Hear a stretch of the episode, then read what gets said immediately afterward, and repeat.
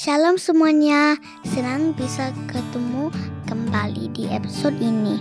Selamat mendengarkan Mami Puspa dan Dedi Resa di podcast Keluarga Katolik.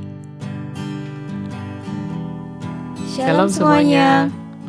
Sebulan belakangan ini Mm-mm. uh, anak kita Zara kan uh, seneng praise and worship ya. Iya, Setiap malam tuh dia minta worship song. worship song gitu. Uh, worship song itu yang apa yang in banget. Judulnya Ajarku Mengerti. Gitu. Dan lucunya dia tuh bisa nyanyiin ngomong ba- bahasa Indonesia dan uh, di bagian uh, worship itu dia bisa nangis bisa terharu setiap kali denger. Jadi kalau kalau kadang-kadang aku ngeliatin dia aku juga terharu gitu. Waduh dia apa terharu banget sama lagunya. Tapi sebenarnya nggak tahu sih dia terharu atau cuman karena sedih karena Iya. nadanya sedih gitu ya. Heeh.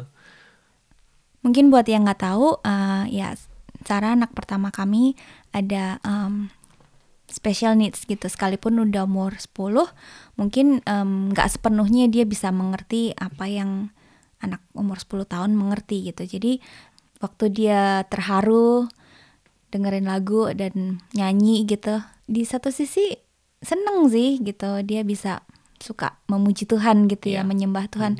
Tapi di sisi lain juga nggak tahu seberapa seberapa mengerti dia em, sampai terharu sampai nangis nangis Iya. gitu ya.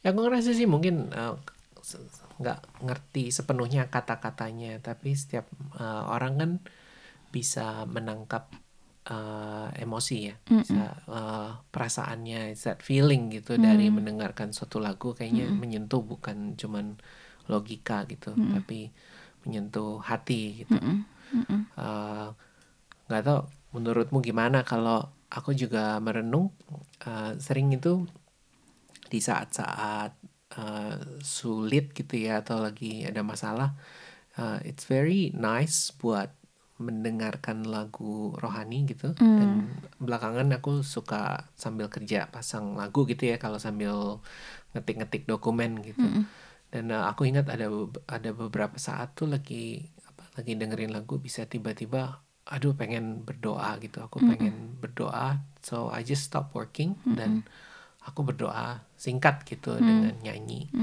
Uh, dan itu benar-benar bisa apa ya gimana bisa nyegerin jiwa gitu ya, ya. emang sih doa kan nggak harus selalu nyanyi atau praise and worship tapi kayaknya ada suatu apa ada satu ke, ke- kelebihan that's, that's a good thing gitu untuk uh, untuk bernyanyi dan berdoa gitu ya Iya, sometimes saat kita nggak tahu mau berkata-kata bagaimana, Iya. berdoa bagaimana gitu ke Tuhan, lewat lirik lagu itu bisa menyampaikan isi hati kita gitu. Iya.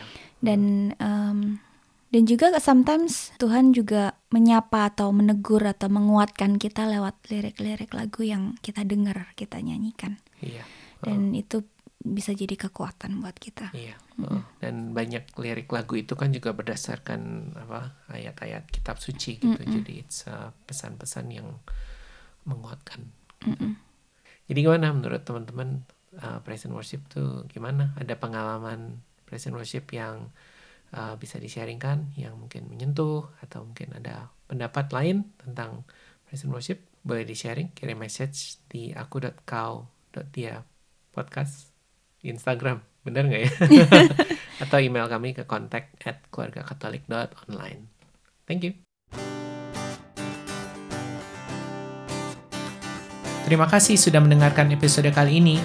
Pastikan untuk subscribe podcast Aku, Kau, dan Dia, dan kunjungi website kami di keluargakatolik.online untuk info dan tulisan yang terbaru.